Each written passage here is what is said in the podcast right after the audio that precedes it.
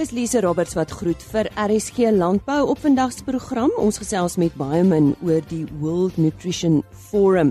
Dan praat ons oor biobrandstof, die Karoo Lam handelsmerk en hier is terug met veilingnuus en ons praat oor wettige en onwettige uitsettings. Ons uh, gesels met Hans Juri Moelman uh, oor onder andere wat is die verskil tussen wettige en onwettige uitsettings? Nee, nie baie dankie. Ja, dit is 'n uh, onderwerp wat wat mens baie mooi moet aandag aan gee as as ou dit mooi wil verstaan. In in die opsig dat sedert 1994 sedert dit hierdie grondwet grondhervormingswetgewing in plek gekom het, ehm um, is die die verkryging van uitsettingsbevel ehm um, 'n vereiste. Ehm um, uit verkryging van 'n uitsettingsbevel is iets wat mense in die hof kry en enige ander vorm van waar jy mense ontneem van regte ehm um, kan beskou word as uitsetting maar jou jou verweer sal wees 'n hofbevel. Nou om dit net eenvoudig te verduidelik, ehm um, ons het met twee stukke wetgewing wat uh, oorsaaklik residensiële uitsettings um, in Suid-Afrika reguleer. En die eerste een is die wet op uitbreiding van sekerheid van verblyfreg en die ander is die wet op voorkoming van onregmatige uitsetting en onregmatige okkupasie van grond. Die een die een se naam wat ons altyd in 'n eenvoudige taal gebruik is die ESTA wet en die ander een is die is die PAI wet. Ehm um, almal praat altyd van die PAI wet. Dit het niks met 'n pastry te doen nie, maar dit aan dat hierdie beide hierdie wetgewing reguleer uitsettings.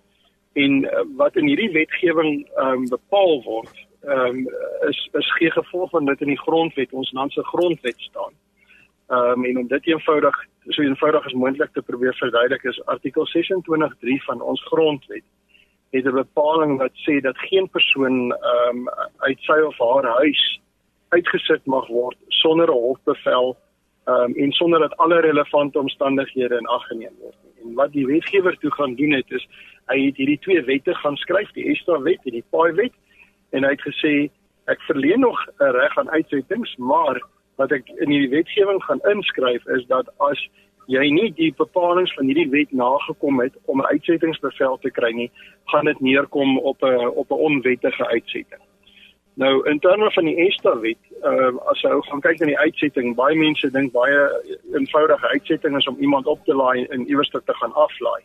Ehm um, dit is in hierdie wet gaan dit baie baie wyer as dit. Ehm um, en hy praat spesifiek van dat die ontneming van 'n persoon teen sy of haar wil van hulle verblyfregte op grond, die ontneming van gebruiksregte van grond, die ontneming van toegang tot water wat gekoppel is aan verblyfreg verblyfregte, alles kom neer op 'n uitsetting. So dit is nie net die fisiese ontneming um, van die gebruik van die grond nie, dit sluit ook 'n ander ander faktore sluit dit in.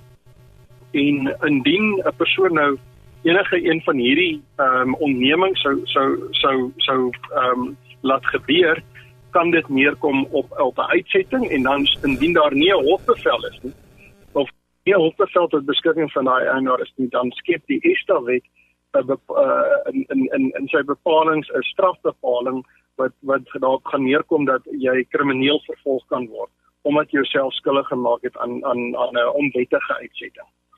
So ehm um, en dan is dieselfde geld by die paai wet. Die paai wet ehm um, is is meer van toepassing op mense wat onwettig grond okkupeer. Ehm um, tegnies is dit nogal uh, skep dit nogal deesdae 'n groot probleem ehm um, by by die grondbesettings in die opsig dat 'n uh, 'n persoon wat 'n struktuur gebou het of reeds 'n struktuur bewoon al is dit hoe eenvoudige struktuur die oomblik wanneer daai persoon 'n struktuur bewoon word daai persoon in terme van hierdie paai wet as 'n onregmatige okkupeerder beskou. En dan kom die paai wet en hy soos die Insta wet ook bepalinge wat wat waarna jy moet voldoen as jy die eienaar is en jy jou grond wil terugkry of die persoon sou wou uitsit. En dit is 'n redelike omvangryke proses wat 'n mens moet volg. Maar die uiteinde daarvan is jy gaan ook in die geval van die paai wet 'n hofbevel moet bekom. Ehm um, en so daar is tegnies in ons land nie meer uh, situasie waar jy iemand kan uitsit sonder dat jy 'n hofbevel ehm um, bekom het nie. En om die onderskeid en terug te kom by jou vraag nou met hierdie hele omhaal van feite, ehm um, 'n onwettige uitsetting is 'n uitsetting wat sonder 'n hofbevel ehm um, uitgevoer word. Dit is om iemand te ontneem op te laai ehm um, en op 'n plek te gaan aflaai sonder 'n hofbevel teen teen sy of haar wil. en uh, dit geld ten opsigte van beide die wet en die PAI wet.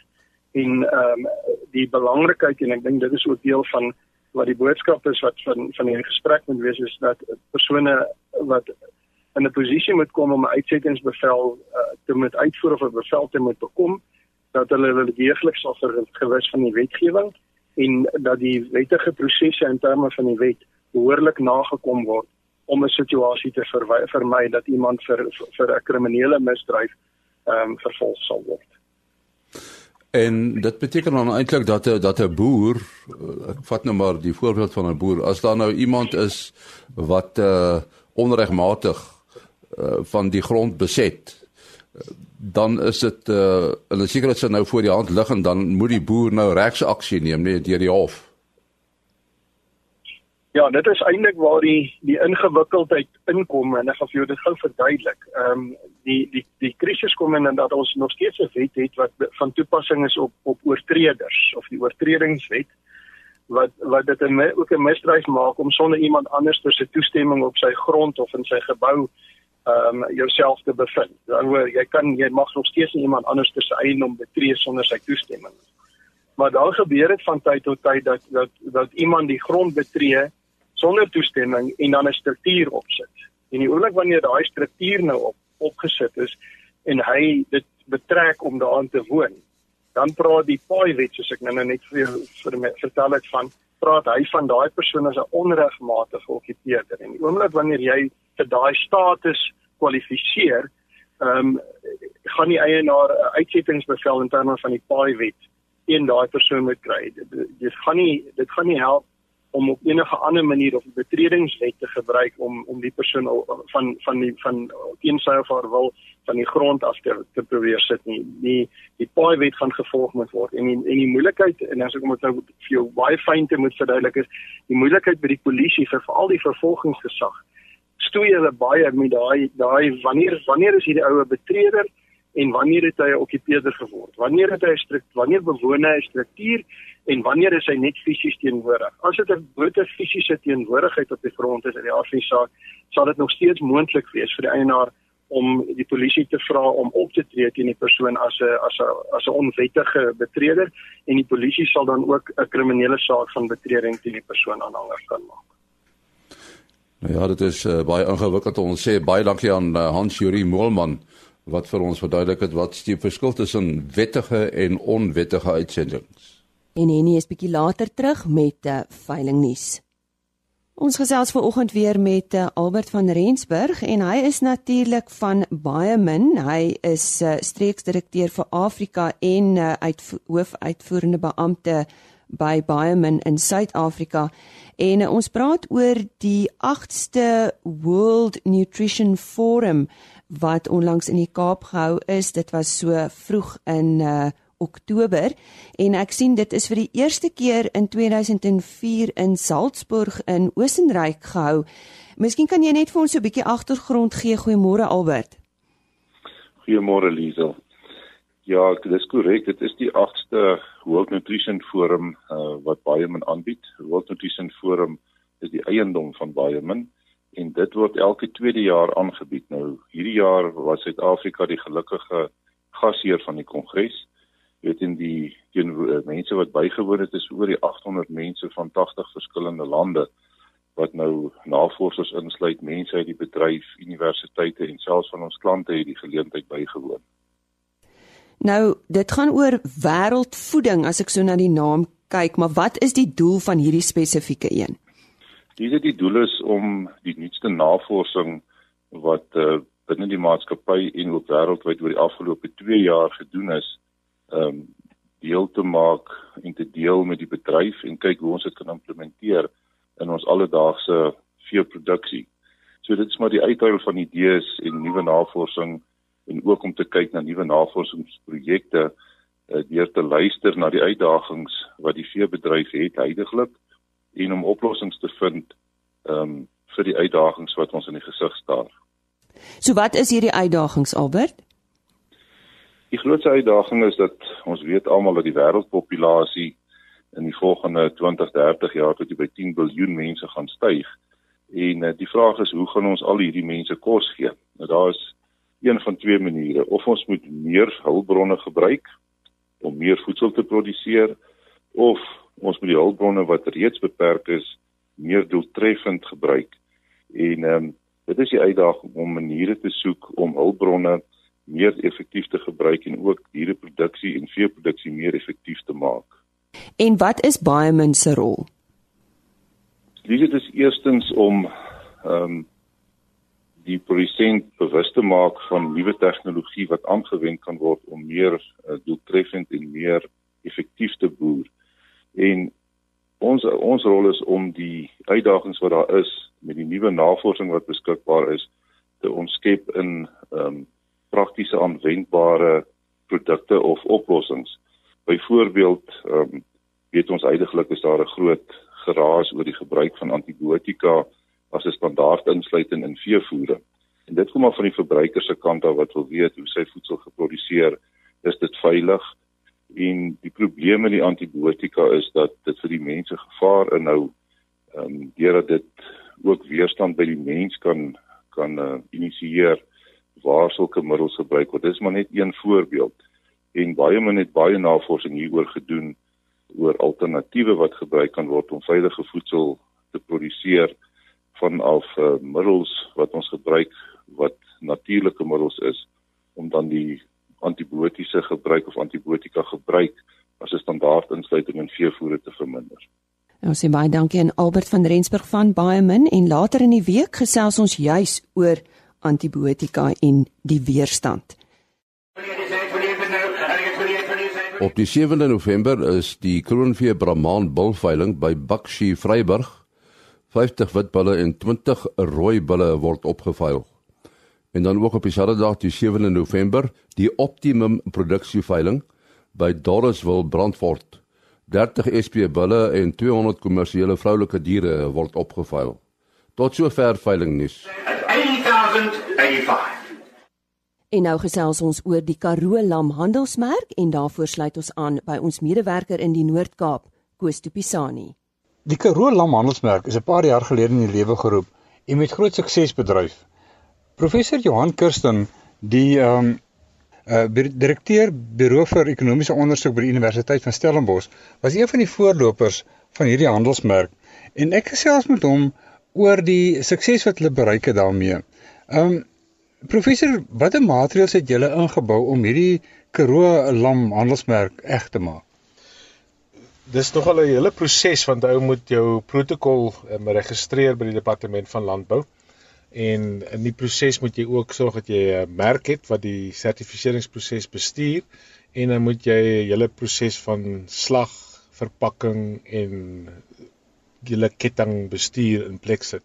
So hierdie goed word alles deur eh, SAMIC geauditeer. So die belangrikheid van hierdie aspek is dat eh uh, Karoo lam is net Karoo lam as hy die merk dra. Want uh, daar's geen waarborg op enige ander stelsel dat die Karoo lam werklik eg is nie. So die realiteit is ook dat 'n mens moet verseker dat jy jou ehm um, jou produk eg is en dat hy oorsprong geverifieer is en daarom is die derde party audit 'n kritiese deel van die proses. So dis eintlik die ding wat ons maar redelik bestuur in die departement van landbou via SAMIC is nogal baie belangrike rolspeler in die proses om ons protokol wat die oorsprong van die van die karkas waarborg as dit ware te vestig. So die natuurlik die uitvloeisel daarvan is dat dit kom nie verniet nie. En die vraag is hoe finansier jy dan jou audit koste? En daarom het ons nou ledegeld ingebring en boere wat aansluit betaal ledegeld per hektaar en ook abattoirs wat eh, wat aansluit betaal ledegeld eenmalig per jaar en so ook die kleinhandelaars. So in wese het jy dan die hele ketting geverifieer en en, en lewer die ehm um, die deelnemers aan die ketting aan mekaar wat reeds gesertifiseer is. So die ehm um, proses is nogal ehm um, nodig om deeglik bestuur te word en mense moet dit nogal goed deurdag en goed uh, bestuur anders dan kan jy 'n uh, fout kry in die stelsel. Hoeveel Karoo plase is gesertifiseer om om te kan deelneem of, of, of om hierdie handelsmerk te kan dra? Ja, ons het ehm um, maar die mense wat die naaste aan die gesertifiseerde abattoirs het op 'n stadium was daar 5 abattoirs wat uh, gesertifiseer was, maar hulle het gevoel dat hulle ander handels handelsmerke te groot is en hulle nie kon by bly by die die voorsiening van Karoo lam nie. So ons het nou net 2 abattoirs Williston en Carnarvon en hoofsaaklik dan die boere in 'n uh, 300 tot 400 km rondom Williston en Carnarvon is dan die leweransiers so dis so rofweg so uh, 100 en ja is so 212 uh, plase is so 1.2 miljoen hektaar wat gesertifiseer is. So dis 'n klein deel van die Karoo as jy mens dink die Karoo is eintlik 12 miljoen hektaar. Ehm um, en uh, so die eintlike langtermynplan is om te sorg die ander abattoirs ook besef maar hulle slagskape wat uit die Karoo uitkom en eintlik verkoop hulle nou op die oomblik produkte wat ondergewaardeer is want die Karoo boere wat nou deel is van die ketting kry tussen 2 tot 3 rand eh, per kilogram premie en soms in die gevalle van waar daar gewellige skaars aan Karoo lam kry tot 7 rand premie voor die normale uh, generiese uh, lam wat in die in die klein handelaars beskikbaar is. Die boere wat betrokke is by die by die Karoo lam Ehm um, het julle ook baie komende boere wat betrokke is of of ehm uh, probeer julle om op, op komende boere te betrek daarbey? Ja, ons probeer eintlik om om nie te kategoriseer as enige boer wat per definisie 'n Karoo boer is uh en lammers verkoop um, deur die abattoir is per definisie uh, kan per definisie gesertifiseer word. So ons het nogal pogings aangewend om om daardie boere wat op meentgronde is of op uh, gesamentlike plase wat hulle bestuur um, betrokke te kry en ook het die organisasie bereidwilligheid verklaar om om daardie boere te ondersteun met hulle ledegeld. geld om te verseker dat hulle daarom uh, in in 'n wese ook deel is van die familie. Maar niks verhoed mense om net aan te sluit hulle um, in in in 'n lede ag lede details te beskikbaar te stel en in wese dan deel van die ketting te wees. Maar ons het as gevolg van die aanvanklike betrokkenheid van die Noord-Kaap Departement van Landbou het ons nogal 'n doelbewuste poging gehad om soveel as moontlik van die sogenaamde opkomende boere te betrek. En het julle suksese gehad daarmee? Ja, ek het daar's nogal heelwat van hulle wat op gereelde basis lewer. Ehm um, partykeer val hulle 'n bietjie af in terme van hulle lidmaatskap ehm um, en hulle hernuwing en en opdatering van inligting, maar in die volumes is partykeer klein uh, wat veroorsaak dat hulle nie noodwendig betrokke wil wees nie want hulle het ander kettinge wat hulle ehm um, voorsien. Maar soos die proses nou gevestig is, vind ons weer dat die ouens weer wil terugkom en deel wees van die ketting. Julle het op Holliston 'n julle julle jaarvergadering uh, gehou. En ehm um, was daar enige belangrike sake of veranderings wat wat in die pipeline is of of waarna boere moet oplet in die toekoms? Ja, ons het um, in die vorige jaar se jaarvergadering het ons nogal ehm um, protokolwysigings voorgelê waar volgens die auditering moet plaasvind en ons het ook ledegeld verhoog en die die lede moes dit goedkeur en het so so gedoen.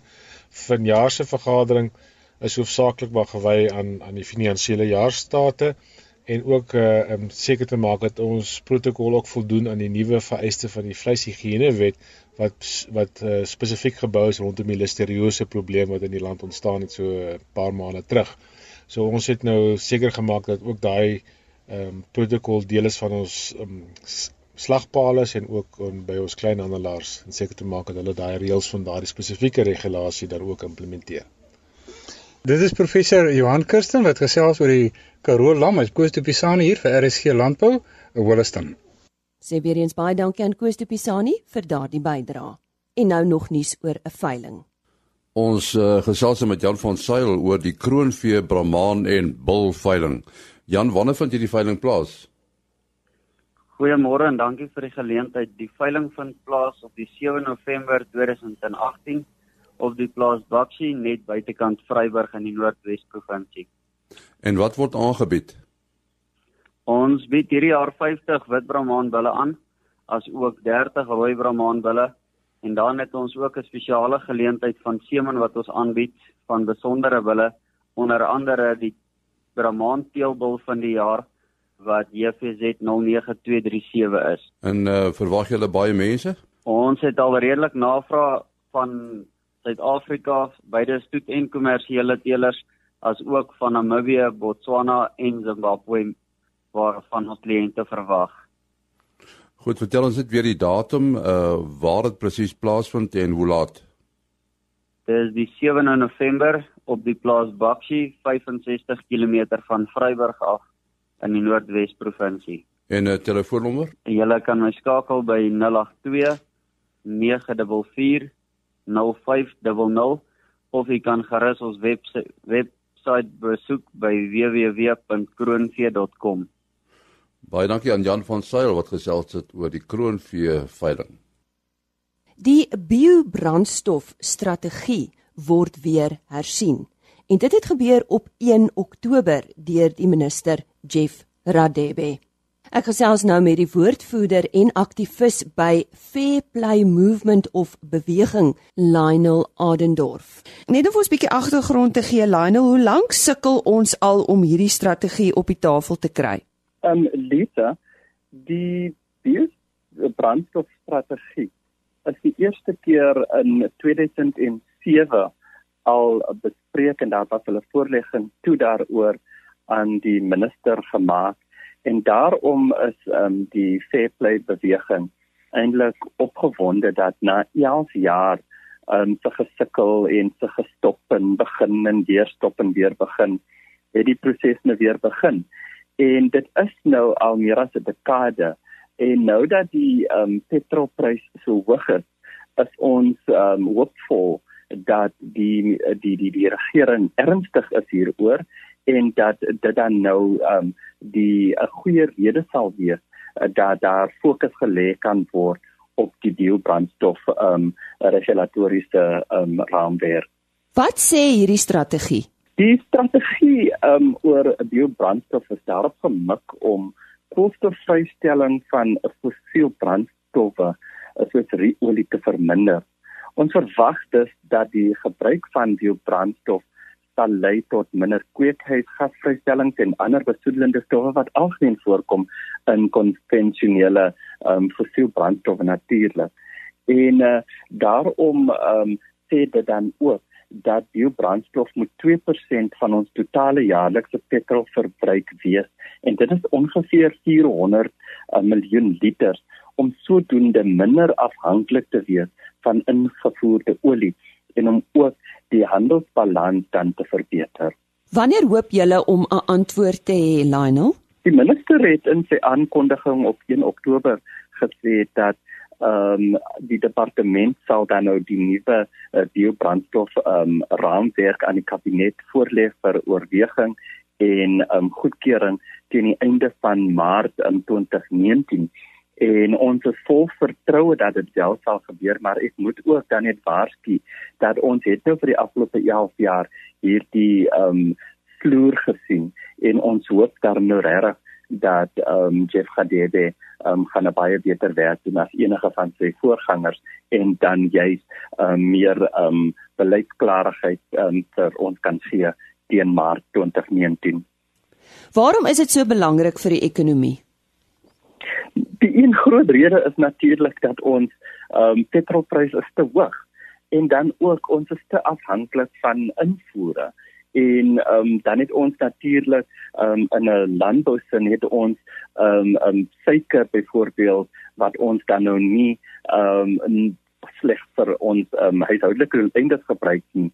So ons het dan ook suiker wat dan nou aangewend kan word um, in etanol. En daarom vir daardie drie redes is dit uiters belangrik vir ons ekonomie omdat ons in die veeplek beweging glo dat dit kan die suikerbedryf red en dan kan dit ook dan die prys van petrol um, drasties um, verminder. Nou Lana, ons is 'n landbouprogram en ek wil so 'n bietjie uitbrei op daai uh belangrikheid vir landbou beteken dit dat ons dalk uh, meer werk kan skep in landbou? Natuurlik beteken dit dat omdat daar nou 'n ander diskurs gaan wees vir verskeie landbougewasse, sal daar natuurlik 'n meer geleenthede geskep kan word. Um, binne landbou beteken dit dat ons nou meer kan fokus op daardie gewasse wat dan nou in etanol en biodiesel omskep omgesit kan word. En dit beteken dan nou natuurlik dat daar meer um, werksgeleenthede gaan wees dat daar ook uh, meer werksgeleenthede downstream um, gaan wees. Dit beteken dat ons nou boere gaan hê wat meer gefokus gaan wees op die um, die die die die die um, die vervaardiging van daardie gewasse of die boer van daardie gewasse wat dan nou um, meer um, wat dan nou gebruik kan word in etanol en bio um, diesel. En daarom sal dit amper um, ons landboubedryf soos dit tans bestaan um, op sy kop keer en dit is uh, definitief ehm uh, soos die Engelsman sê 'n game changer vir landbou. En maar ook soos ons weet het die boere um, wat met hierdie gewasse werk of met met hierdie gewasse boer het hulle dit al reeds vir die afgelope 15 jaar al breed daarvoor voorberei en hierdie gesloer het dan beteken dat daar meer um, beleidsonsekerheid is.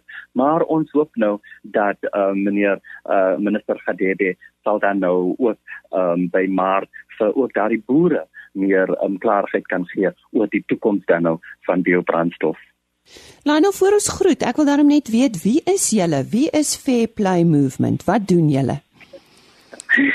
die Fair Play beweging is 'n uh, 'n uh, organisasie wat 2 jaar gelede gestig is om um, om om die om dumping um, binne Suid-Afrika van sekere produkte, soos byvoorbeeld hoenderstaal en um, en dan seker um te te staan en dan met regering en met die um die die die organisasies of die industrieorganisasies wat daarmee bemoeid is met hulle saam te werk om te kyk uh, dat die um soos ons dit noem predatory trade practices ook geslaan kan word.